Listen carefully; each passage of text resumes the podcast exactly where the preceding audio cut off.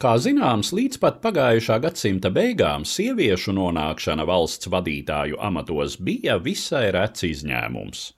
Pirmā sieviete, kas ieņēma kādas Eiropas valsts premjerministra amatu, bija Margareta Tečere, kura stājās Lielbritānijas valdības priekšgalā 1979. gada 4. maijā.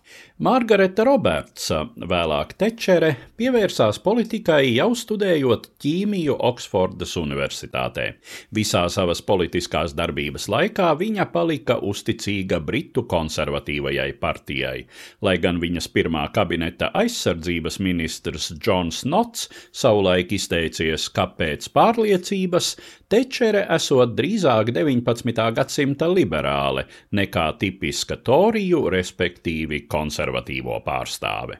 Pirmoreiz ievēlēta parlamentā 1959. gadā, 1970. viņa pirmoreiz kļuva par valdības locekli, saņemot izglītības un zinātnes ministra portfeli premjera Edvarda Hīta valdībā. Nākamās vēlēšanas konservatīvie zaudēja, un Tečere, spraigā konkurencē ieņēmusi partijas līdera amatu, mobilizēja Torijus revanšam.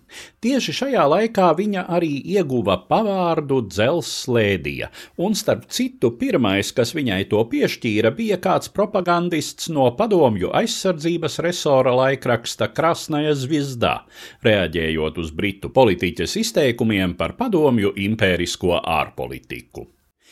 Margaretē Tečerei bija lemts kļūt arī par visilglaicīgāko Lielbritānijas premjerministri 20.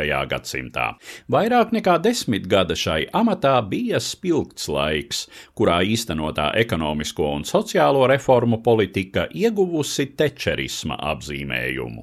Pēc otrā pasaules kara Lielbritānija veidoja ekonomiku ar lielu valsts sektora īpatsvaru, nozīmīgu valdības regulējošo funkciju un plašām sociālām sociālām programmām, kurās balstījās tolaik būvētā labklājības valsts. Taču 70. gados šī pieeja izrādījās sevi izsmēlusi, un Britu ekonomika nonāca ilgstošā recesijā.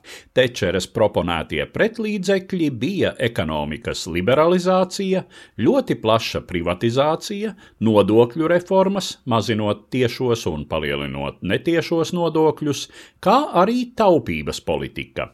Pirmie premjerministres Tečeres gadi bija vissmagākie, kad reformu efekts vēl nebija manāms, recesija turpinājās, bezdarbs auga un daudzus skāra sociālo izdevumu apcirpšana. Premjerministres reitingi sita negatīvos rekordus, taču viņa stūrgalvīgi turpināja savu politiku.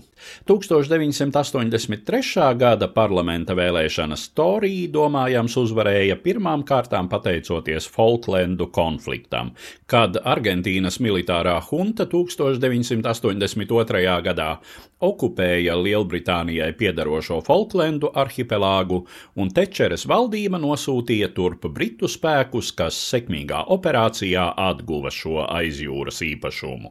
Desmitgades vidū Britu ekonomika jau apliecināja stabilu izaugsmi, bija kritusies inflācija, sāka mazināties bezdarbs, un tas deva konservatīvajiem pārliecinošu uzvaru 1987. gada vēlēšanās.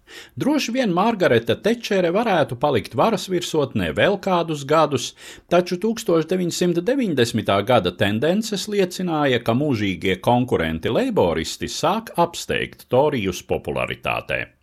Konservatīvo partijā radās iekšēja opozīcija, un savu kandidatūru partijas vadītāja amatam izvirzīja kādreizējais Tečeres kabineta ministrs Maikls Hezeltains.